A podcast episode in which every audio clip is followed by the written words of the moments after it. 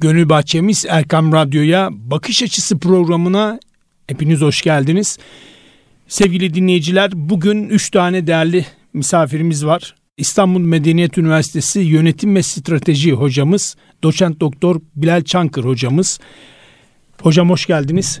Hoş bulduk. Eğitimci yazar Aykut Açkalmaz hocamız aramızda. Hocam hoş geldiniz. Hoş bulduk hocam. Ve Yasin İkizoğlu eğitim ve kariyer danışmanı hocam. Hocam hoş geldiniz. Hepimize iyi yayınlar, hoş bulduk. Teşekkürler. Allah razı olsun zaman ayırdığınız için. Tabii birkaç gün kaldı e, sınava. Çünkü cumartesi pazar biliyorsunuz YKS süreci var. E, bu noktada öğrenciler bizi çok ciddi anlamda da dinliyor ve takip ediyor. Neler söylemek istersiniz? Yasin hocam siz de başlayalım isterseniz. Buyurunuz. Tabii önce şunu söyleyeyim. Güzel bir maratonun sonuna geldik. Pazardan sonra herkes hür general olacak. Bu çok e, rahatlatıcı bir şey.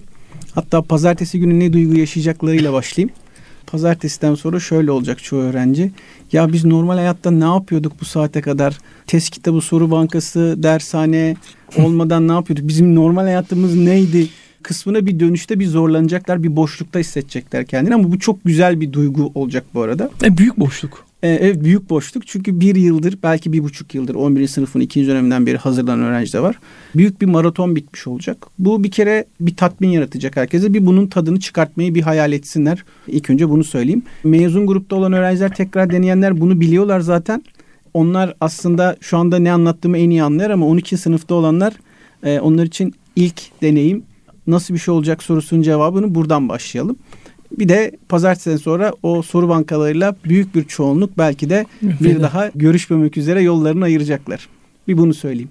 Şimdi cumartesi pazar için ne yapalım? İşte çok şey söyleniyor. Yani erken mi bırakalım bunu geç mi bırakalım?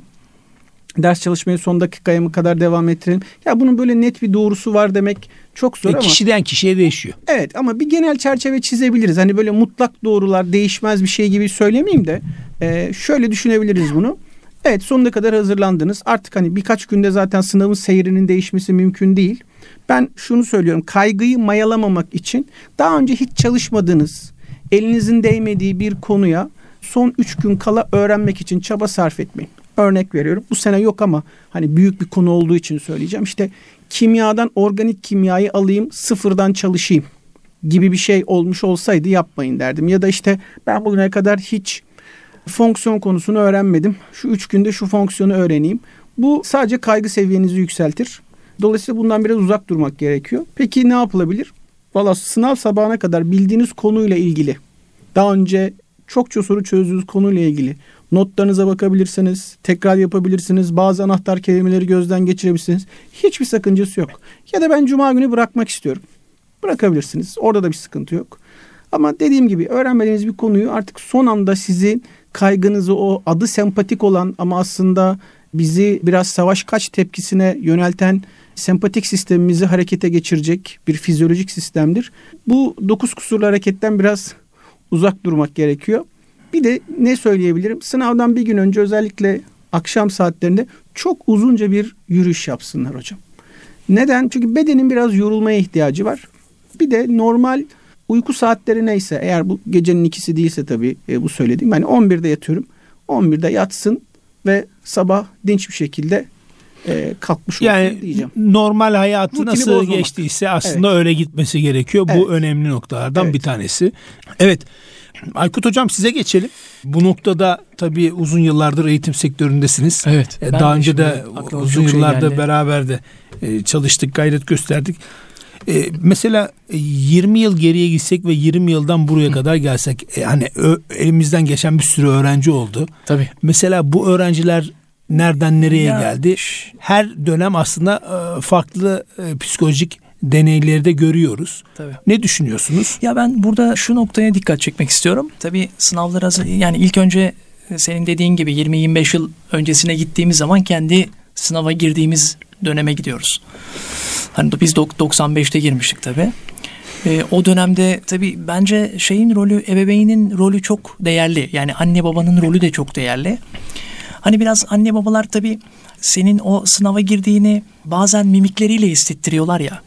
Hani sen her ne kadar da kaygı seviyen yükselmesin diye uğraşıyorsan o ebeveyn tarafında senin biraz böyle işte mimikleriyle ya da yaptıkları senin güzel geçsin diye yaptıkları o hareketler aslında rutini bozuyor.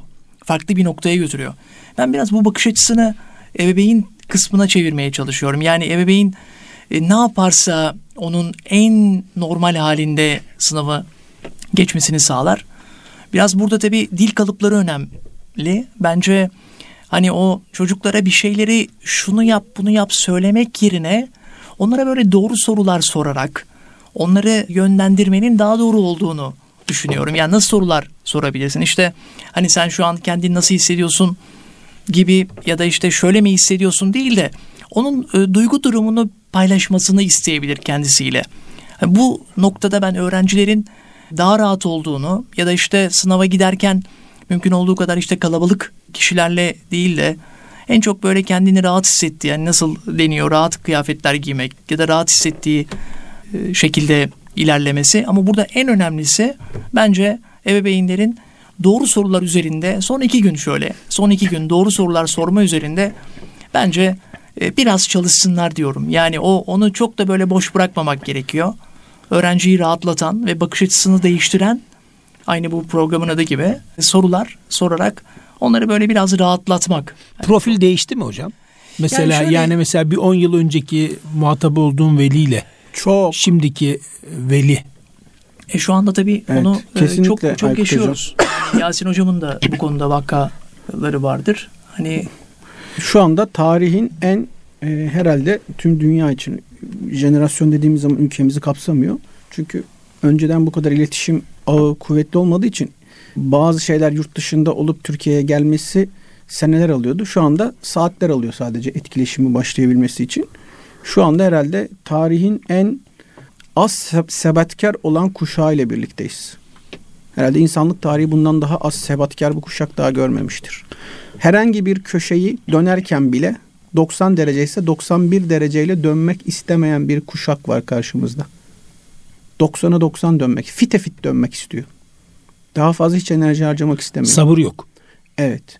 Dolayısıyla bu bazı uzun erimli işleri yapmakta sınav ki uzun erimli bir iş. Birçok öğrenciyi zorlayan taraflardan bir tanesi de bu. Ee, disipline olma diyebilir miyiz ona? E tabii yani altında yatan şey aslında disipline olma. E, çünkü şimdi beynin ta çocukluktan itibaren formatlanmasıyla da ilgili bir şey. Mesela e, çocuklar oyun oynarken e, ebeveynler dikkat edebilirler. Oyunun çok gidişatını beğenmediyse mesela restart atıyor. Çok güzel. Şöyle bir şey yapmıyor yani benim işte atıyorum enerjim canım neyse oyunun bu konudaki uygun kavramı sonuna kadar mücadele edeyim dur bakayım bununla nereye kadar gidebileceğim değil. Beğenmiyor çat düğmeye basıyor oyunu restart ediyor. Şimdi restart atmaya alışkın bir beyin tabi uzun erimli iş yaparken yani şu saate kadar kötü geldi buradan bunu çevireyim düzelteyim. Mücadeleden mücadele ziyade edeyim. aslında evet. sıkılma. Evet bu çok zor bir şey onlar için. Onun için bu neslin böyle bir kendi aslında zorluğu var. Yani onların yaşa kendi yaşantılarından kaynaklanan bir zorlukları var. Yani inşallah e, eğitim hayatı boyunca yani daha doğrusu üniversite ve üniversite sonrası iş hayatında inşallah düzelirler diye de e, dua edelim. Bu noktada doçent doktor Bilal hocam, değerli hocam bu noktada tabii üniversitede dersler veriyorsunuz. Bu nesil sizin önünüze geliyor neler söylemek istersiniz? Ya hem stres yoğunluğu noktasında hem bakış açıları noktasında sınav öncesinde e, hepimiz bu yollardan geçtik. Tabii sınav öncesi meselesi de şey yapacak olursak, üzerinde duracak olursak gerçekten stres yönetimini ben çok önemsiyorum. Hocalarım e, bunun üzerinde durdular. Yani benim şöyle bir formülüm var. Stresi yenen 20 puan daha üstüne koyuyor bu yüzden stres yapabilecek herhangi bir şeyi minimize etmek gerekiyor. O ortamı da ebeveynlerin sağlaması lazım. Burada tabii bazı e, örneklikler de yaşamışlığımız var. Örneğin bir tanıdığımız e, o gece ebeveynleri e, o gece rahat uyusun diye altına yün yorgan seriyorlar. Ama e, arkadaşımız gece boyu uyuyamıyor. Sınav sınava gideceği gün altına rahat uyuması için yün yorgan ama uyuyamama. Bunu yaşayan abim. Ben bunun üzerinden bir açıklama yapayım. Hocamın örneği çok güzeldi. Ya da sabahları çoğu anne baba çocuklarına mükellef bir kahvaltı hazırlıyor ve bir kuş sütü eksik kahvaltıda. O gün Ee, için. O gün için onun sabahında. Bu arada tabii kahvaltı yapılsın çünkü kan şekerinin dengelenmesi ve aç gitmemesi önemli. Çünkü uzun bir sınav olacak ama yani bunu böyle işte bayram kahvaltısı tadına getirdiğiniz zaman beyin şöyle algılıyor. İlkel beynimizin o limbik sistemin içindeki bölge diyor ki rutinin dışında bir şeyler var. Etrafında bir teyakkuz durumu var. Bir garip durum var. Bu arada bizim ilkel beynimiz e, korteksimiz gibi algılamaz. Olayların ne olduğunu anlamlandırma konusunda akıllı beynimiz gibi o e, evrim sürecinde gelişen beynimiz gibi e, değerlendiremiyor. Diyor ki beni tehlikeye düşürecek bir şeyler oluyor galiba. Çünkü rutinin dışında bir şey. Onun için biz rutinleştirin, sıradanlaştırın derken orayı alert etmemek için bunu söylüyoruz. Bu da bir tanesi. Bunu hiç duymamıştım bu arada. şey yün e, battaniye Yorgan. sere, yorgan serelim. İşte diyor ki beyin ya bu normalde bir şey yok ki ben ne yaşayacağım ki herkes bana hizmet etmeye, olağan dışı bir şey olacak beni herkes hazırlamaya çalışıyor. Siz burada iyilik yaparken beynin bütün alert düğmelerine o emergency tuşlarına böyle beş parmakla e, Savaş bu- ve kaç moduna bunu- geçiyor. Evet tabii ki tam buna Savaş ve geçiyor. kaç. Bu moda geçmesini sağlıyorsunuz ve sınava gittiğinde sabah belki e, ilk soruyu okumaya başladığı zaman e, orada beynin bir e, hareketi var. Donma hareketinde kalabilir. Yani enteresan tabii yaklaşımlar e, ve doğru yaklaşımlar. Bilal hocam sonra ne oldu? Bir o hikayeyi bir dinleyelim. Tabii bu iyi bir sonla bitti. Sonuçta abim 28 Şubat e, ma- abim yaşadı bunu tabii. Birebir şahit olduğumuz bir örnekti. İmam Hatip'te olmasına rağmen e, iyi bir skorla, iyi bir puanla e, istediği bir üniversiteyi kazandı. En sonunda da tabii e, hak ettiği yere de yatay geçişlerle geçiş yaptı. Bunun karşısında da e, bu kötü örneği yaşayan ben varım. Ben de ortaokul sınavına o kadar rahat gitmiştim ki sınava 20 dakika geç kalmıştım. Yani o kadar rahat, o kadar şeydim e, ki şöyle düşünün. Toptaşı cezaevine gideceğime Paşa Kapısı cezaevi Üsküdar'da ikisi bilirsiniz. Cezaevinin Tabii orada sınav Genç Osman Okulu muydu? Evet, Ne- evet. Orada bir yerde dediler. Gerçekten de karıştırılır ama ya. Yani Öyle. Dedi, dediğiniz yerler çok uzak değil ama sonuç olarak sınava gidilecek kadar da hani Yakında değiller. Yakında değil hocam. Evet.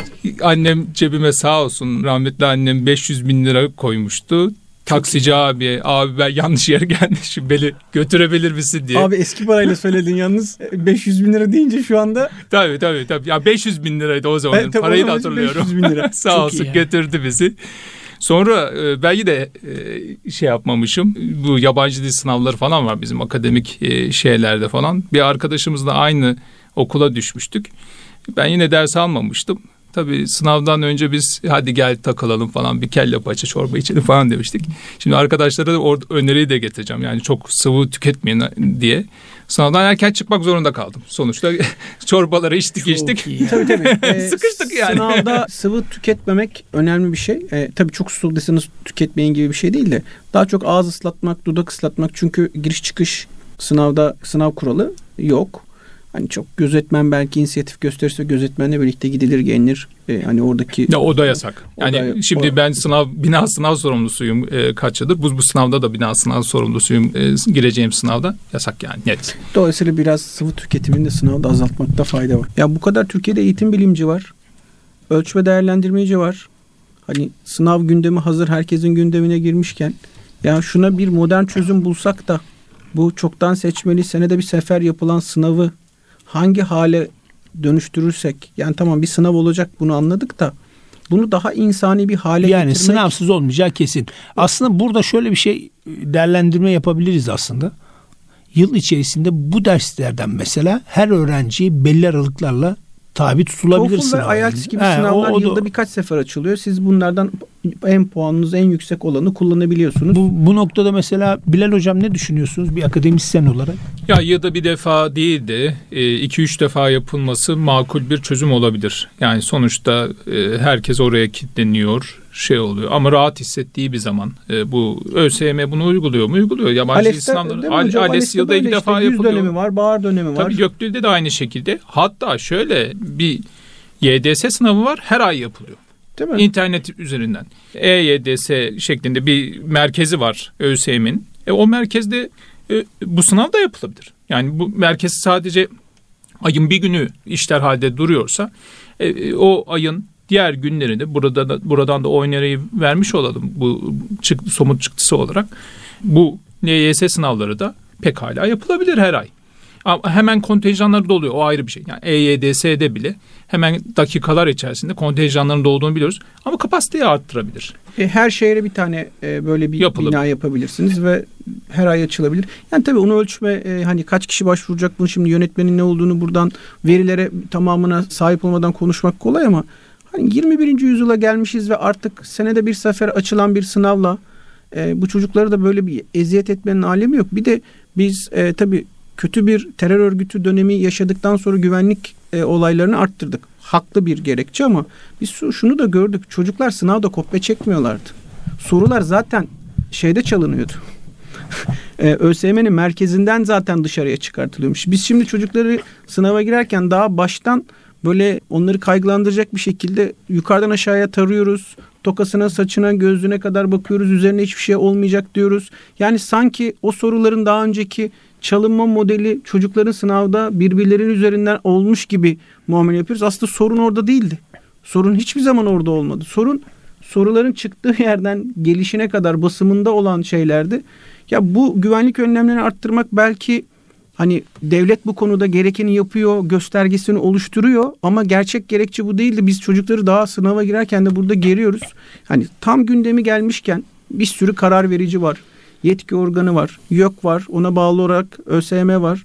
Ya bu konuyu bir daha gözden geçirmeli. Bizim bu kadar büyük şu anda e, ÖSYM dünyadaki e, sayılı ölçme değerlendirme gücüne sahip olan kurumlardan bir tanesi. Tabii tabii. tabii. Dolayısıyla iyi de kaynakları var. Burada benim bir önerim olacak. Belki mevzuata aykırı e, bir örnek ama yıllardan da onu beri söylüyorum. Öğretmenlerimize ben burada tavsiye ediyorum. Bir sayfa boyunca sınavdan 5-10 dakika önce sınavda şunları şunları yapmayın, bunları bunları yapmayın, bunlar yasak diye okuyorlar. Stresi Tavan arttıran, yaptırıyor. tavan yaptıran bir şey. Ya bina sınav sorumluluğu senelerdir yapıyorum ve diyorum Beyin ki tersine çalışıyor. okumayın. Ya, ya- yasak dedim dedim yasak. Ama okumayın diyorum hocalara ya. Yani çocuk- ya çocuk zaten sınavın kurallarını biliyor. Açın arkadaşlar okuyun. Ya da şöyle deyin. Oradaki siyah madem okuyacaksın karalanmış siyah bold halde olan kısımları onlarda birkaç cümle vurgulayın geçin diyorum. Burada da e, dinleyen hocalarımız varsa eğer sınava birkaç gün kaldı. Okumayın hocalarım yani sınav, e, stresi çok çok ciddi arttıran bir şey. E, çocukların da en kritik e, sınav sınavı bu. Sınavlarından biri demeyeyim. Bu dünyada yaşayabilecekleri en büyük sınavlardan birisi. Dolayısıyla e, ben bunu e, şiddetle tavsiye ediyorum. Ben şey de söyleyeyim son e, hocama ekleme olsun. E, gözetmenlerle ilgili söyledi. Bunu her yıl duyuyorum. Çoğu gözetmen buna çok dikkat ediyor. E, ama arada sırada çıkıyor. Erkekler için de bayanlar için de erkekler için biraz kösel ayakkabı, bayanlar için topuklu ayakkabı. E, istirham ediyorum, rica ediyorum lütfen giymeyin çok yumuşak ayakkabılarla. Bir de sınavda çok gerekli olmadığı sürece gözetmenlere şey ricasında bulunmak istiyorum. E, sınıfı görebileceğiniz bir yerden gözetlemeniz, zaman zaman yer değiştirmeniz evet ama sürekli lütfen dolanmayın. Bunların hepsi çocukların çok dikkatini dağıtıyor. Çünkü bunlara takıntılı çocuklar var. Ya da sınavda buna takılıyor. Siz farkında değilsiniz. Ama bunu dinleyen gözetmen arkadaşlar varsa yani biraz hassasiyet. Çünkü bir sefer oluyor. Provası bir daha yok. Hatta hani LGS bundan çok daha sıkıntılı bir sınav. Çünkü hayatınızda bir sefer oluyor. O daha daha daha da sıkıntılı bir şey ama bu da senede bir sefer oluyor ve bir sonrakini geçmek için çocuğun 2024'ü beklemesi gerekiyor. Gürültü konusunda belediyeler, e, trafik birçok yerde Vatandaş. E, vatandaş da bu Biraz- noktada biraz daha, evet. Ama e, ben sınıftaki gözetmenlerden rica ediyorum. Ne olur düz ve ses çıkartmayan ayakkabılarla gelirseniz e, o spor ayakkabılarıyla gıcırtı yapanları var bu arada. Gırç gırç diye sesler çıkıyor. Biraz buna dikkat edersek milyonlarca çocuk girecek. 3 milyonu geçti bu yıl sınava giren. E, onlara biraz yardımcı olmuş oluruz diye düşünüyorum. Bu sene 3 milyon 500 bin kayıt var. Geçen sene 3 milyon 400'dü. 200 bin kişi giremedi. Evet. 3 milyon 200 bin kişi girdi. Onun tabii bu tabii tabii. Şimdi bir dahaki sene biliyorsunuz 66 aylıklarla birlikte sayı daha da artacak. Tap olacak. Ee, tabii 7. yani 7 yaşını dolduran birinci sınıf öğrencileriyle birlikte bir de 66 aylıklar da birinci sınıfa başladığı için Evet. 2006. Bir dahaki sene bu rakam 4 milyonu geçeceğini düşünüyorum. Onun için buradan bizi dinleyen arkadaşlar yani mümkün mertebe girmelerini ben çünkü öğrencilerimde bunu söylüyorum. Az önce Bilal hocam söylediği gibi yani notunu yükseltirsin üniversitede yatay geçiş yapabilirsin. Ama bir sene daha bu stresi yönetmek kolay değil. Gerçekten kolay değil. O da zor bu, bir şey bu, hocam. Tabii ya. bu noktada en azından üniversitenin içerisinde olmak insanı bir motive ettiği için hani derslere de inşallah yukarıya doğru notları çıkartırsan Veri- yatay geçiş olabilir. E, Verilere baktığımız zaman mezuna kalan sayısı öyle bir istatistik de var değil mi? E, Me- tabii. mezun- mezuna kalan. Na- Yani- nasıl yani, yani veliler şöyle- sayesinde mi kalıyor? Geçen sene Yok. 500 bin kişi mi ne yanılmıyorsam şeye kaldı bu seneye kaldı. Yani ilk giremediğinde, yerleşemediğinde Ya da istediği kalan. E olmadığında. Bir de okula devam ederken, okula devam ederken tekrar giren var. Ya bunlar hep aslında Evet. kari- kariyer kısmını yanlış Kodlamış belirlemekten oluyor, evet. evet. belirlemekten oluyor baktığın Ben zaman. söyleyeyim rakamları hemen hemen her yıl istisnasız yani böyle geriye doğru 20 yıl gidebiliriz. Ki başvuran sayısı arttıkça bu rakam da artıyor. Geçen yıl 700 bin civarındaydı. Ee, Ne üniversiteyi- 700 bin? Üniversiteyi bitirmiş, diploma almış ya da şu anda ikinci, üçüncü sınıfta okuyan e, öğrenci olan ya da öğrenciliği noktalanmış e, aday e, sayısı var. Bunlar mezun grup değil. Yeniden giriyor. Evet yeniden giriyor. Ya bitirmiş ya da yarı yolda. 700 bin ciddi bir rakam. Bunlar cesaretli olanları bir de hocam. Şöyle düşün. Bir o kadarının da cesaret edip U dönüşü yapamadığını düşün. Yani karar bulunduğu, veriyor, karar veriyor fakat harekete geçmiyor. ya şöyle bir şey. Bulunduğu yerden memnun değil, okuduğu bölümden memnun değil ama diyor ki ya bitirmiş üniversiteyi bir daha mı bu derdi çekeceğim? Ya da ya yolun yarısına geldim artık. Dolayısıyla ben e, yolun yarısını geçtim. Şimdi bir daha sınava hazırlan, bir daha buradan dön, birinci sınıftan oku. Bu çok zorlayıcı bir şey. E, onun için çok büyük Türkiye'de bir kariyer planlamasında problem olduğunu görüyoruz. Kimse Evet. mutlu olduğu yerde Çok değil. çok ciddi anlamda bir sıkıntı var. Hocam e, Bilal hocama aslında bu noktada diyeyim, sormak istiyorum. Şimdi e, siz tabii önünüze hep öğrenciler geliyor. E, Liseden gelmiş oluyor. Bunların gözlem sizin şahsi gözleminize ne kadarı gerçekten bu bölümü isteyerek geldi, araştırarak geldi. Bu noktada ciddi bir sıkıntı var. Mesela ikinci sınıfta, üçüncü sınıfta ben beşinci sınıfta tıbbı bırakan gördüm. Altıncı sınıfta tıbbı bırakan gördüm. Aman Allah'ım. Yani bu nasıl bir döngüdür? Buradaki hocam motivasyon aileden mi kaynaklı çocuğu itiyor o bölüme yoksa çocuk e, giremediğinden dolayı hadi buraya gireyim sonra bakarım mı diyor. Nasıl gözleminiz? Benim burada nacizane tavsiyem ailelerin çok aşırı baskı yapmaması. Yani bunu okuyacaksın, bur, bur, şunu e, şu şekilde okuyacaksın tarzında bir baskı yapmamalarını ben tavsiye ederim. Sonuçta karşısındaki birey 18-19 e, yaşlarında birey 3 aşağı 5 yukarı e, reşit olmuş e, bireyden bahsetmiş oluyoruz. Kararlarını e, alabilecek yetkinlikte. Artı bununla ilgili de genç arkadaşların güzel bir çıkış noktaları var. Rehberlik servisleri, rehberlik.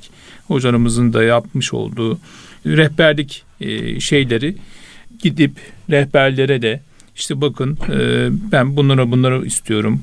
Bu bu şekilde sınav sonuçları da açıklandık açıklanmadan önce başlanması lazım. Ama açıklandıktan sonra çok daha iyi bir şekilde rehber rehber dolaşıp tercih rehberliğinde e, orada bu kararlarının aileleri de sonuçta üçüncü bir kişiden evet ya bu çocuk örneğin işletme e, örneğini verelim. Çocuk işletme okuyor ama aile istiyor tıp. Rehber desteğini de aldıktan sonra çocuk evet ya bu çocuk işletmeci olabilecek bir çocuk girişimciliğe yatkınlığı var. Siz tıpa yönlendirerek çocuğu köreltmeyin dediği anda akan sular duracaktır mantıklı olacak şekilde. Dolayısıyla burada öncelikli şey aile. Burada çocukların tekrar mezuna kalma durumu o meselesine bir vurgu yapmak gerekirse şöyle örneklerle de karşılaştım. Çocuk geliyor, sınava giriyor. Arkadaşlarım Ankara'da okurken arkadaşlarımdan biz bunu görmüştüm, görmüştük. Kazandığı üniversiteyi tekrar kazanan arkadaşlar olmuştu. Yani sınava giriyor, iki yıl sonra tekrar giriyor ve yine aynı sonuçta çok büyük bir kaza yaşanmamışsa çok sınav esnasında öncesinde çok büyük bir kaza yani 20 30 40 50 puanlar yani 20 bile bence az 30 40 50 puanlar normalde denemeler esnasında alınan puanların e, 30, 40, 50, 60 neyse işte alınan puana razı olmalarını ben tavsiye ediyorum. Yani sonuçta potansiyelini sen orada 3 aşağı 5 yukarı e, denemelerdeki potansiyelini yakın bir potansiyel gösterdin ve o puanı aldın. Razı ol, devam et. Şöyle güzellikler var. Şimdi üniversite sistemi e, eskisine göre daha esnek. Bize şu şekilde üniversitemize bağlı bulunduğum bölüme şu şekilde başvuru yapan olmuştu. 1980 ÖSYS, ÖSS sınavı neyse o zamanki sınav bilmiyorum.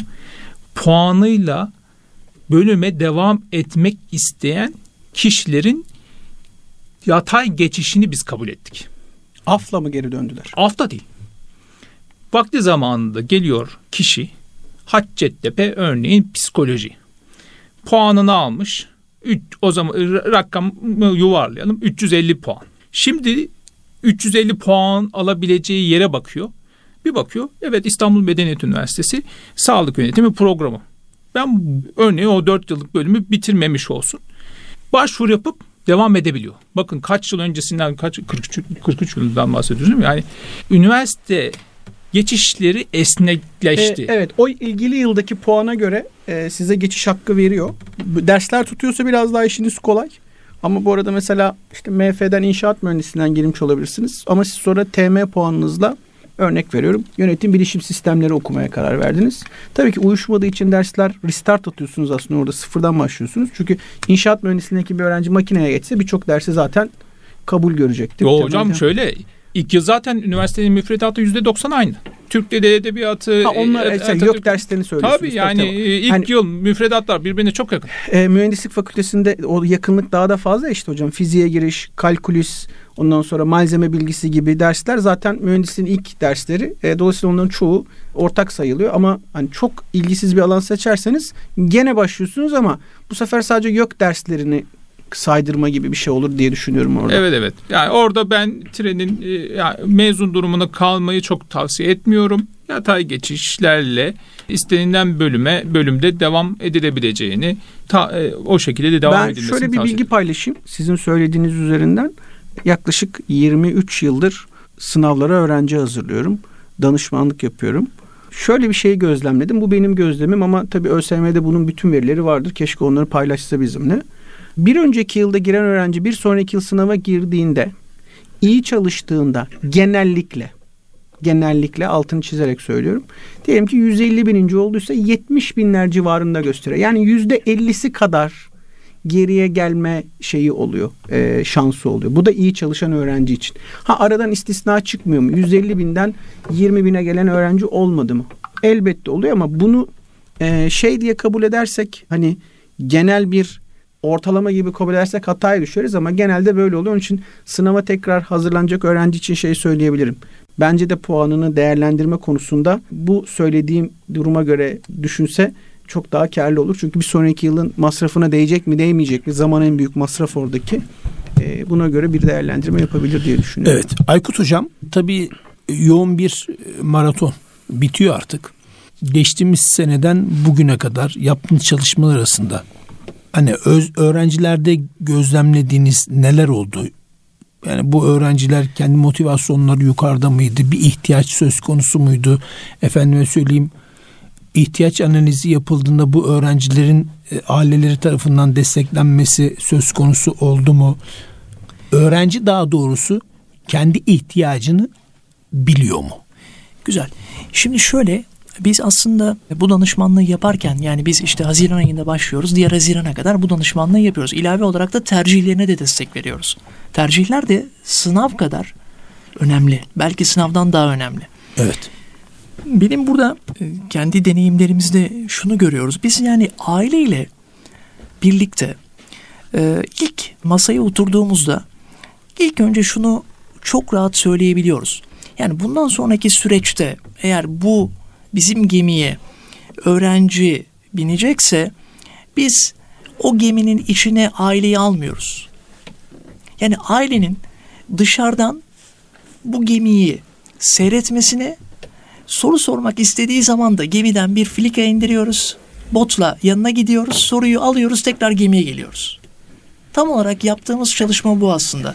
Böyle olunca çok sağlıklı oluyor. Çünkü öbür türlü İşin içerisine girince tabii yani sıkıntı. ebeveynin bakış açısı ya da ebeveynin dil kalıpları sizin takip sisteminizi, ilerleyişinizi ister istemez dengesini e, bozabiliyor. Ama bu filika yöntemi çok güzel indiriyorsun ve yanına gidip de ondan bilgileri alıp ve bu bilgiler doğrultusunda onları tasarımlayıp öğrenciye bunu sunduğunda öğrenci de e, bu yumuşak geçişleri çok rahat yapabiliyor.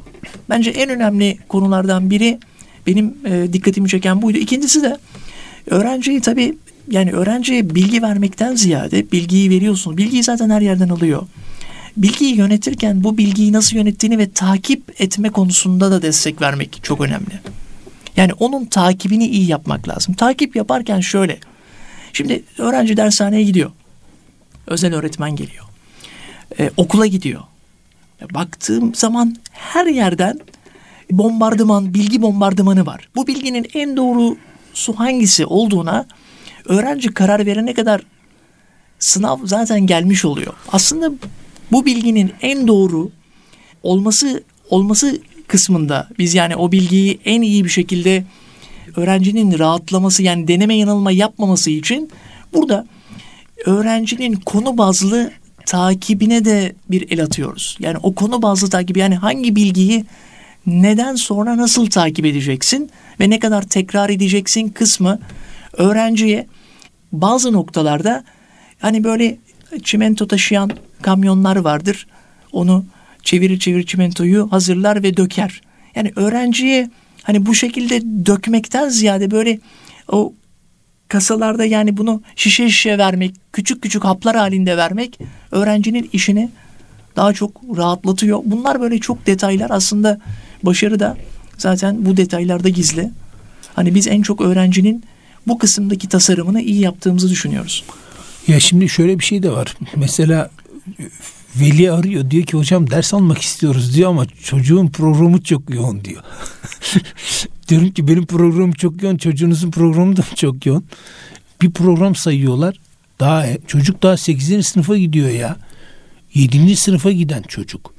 Bu hani lisede program çok yoğun oluyor ama 7. sınıftaki öğrencinin programını anlatıyor. Diyor ki mesela okula gidiyor, okuldan çıkıyor, dershaneye gidiyor, dershaneden sonra işte yüzmeye gidiyor. Akşam geliyor, perti çıkıyor, o ev ödevini yapacak, sonra yatacak ertesi gün ve haftanın yedi günü. Şimdi tam ergenlik döneminde vücut reaksiyon gösterirken yani vücut büyüyor çünkü vücut ben büyüyorum diyor. Reaksiyon gösterirken sen bir yandan çocuğun dinlenmesi, o enerji atması için işte sokakta dolaşması, arkadaşlarıyla top oynaması değil mi? Kesinlikle. Çünkü bu çocukluğunu yaşaması lazım. Sen bunu yaşatmama adına çocuğu sınava hazırlıyorsun, strese sokuyorsun. Niye bu matematik olmadı diyorsun. Aslında şöyle de davranmak lazım. Bilal hocam size de soralım. Yani bir eğitimci gözüyle Türkiye'nin en büyük problemlerinden bir tanesi matematiği yapamadığında matematikten özel ders almak mutlaka tabii ki önemli. Ama çocuğun bir yeteneği varsa o yeteneği kenara bırakmak. Aslında o yeteneğin üstüne gitmek daha doğru olmaz mı Bilal hocam? Yani dünya şampiyonları da böyle çıkmıyor. Her mu? alanda böyle çıktı. Evet evet kesinlikle. Yani çocuk neye yeteneği varsa, neye odaklanıyorsa ona yatırım yapmak, onun üzerine eğilmek çok daha e, önemli. Matematik önemli bir taraftan da. Yani benim teorim eğer böyle bir akademik e, üniversite, iyi bir üniversiteye geç, geçmek için matematik bilmek gerekiyor.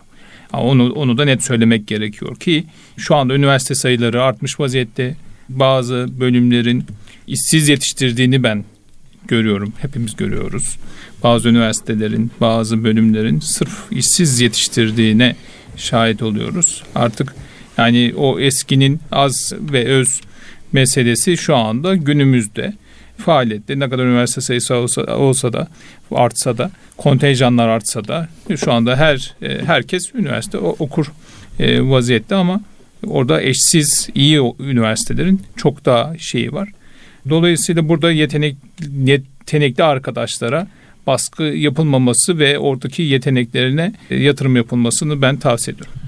Evet değerli hocalarım çok teşekkür ediyoruz. Maalesef programımızın sonuna gelmiş bulunmaktayız.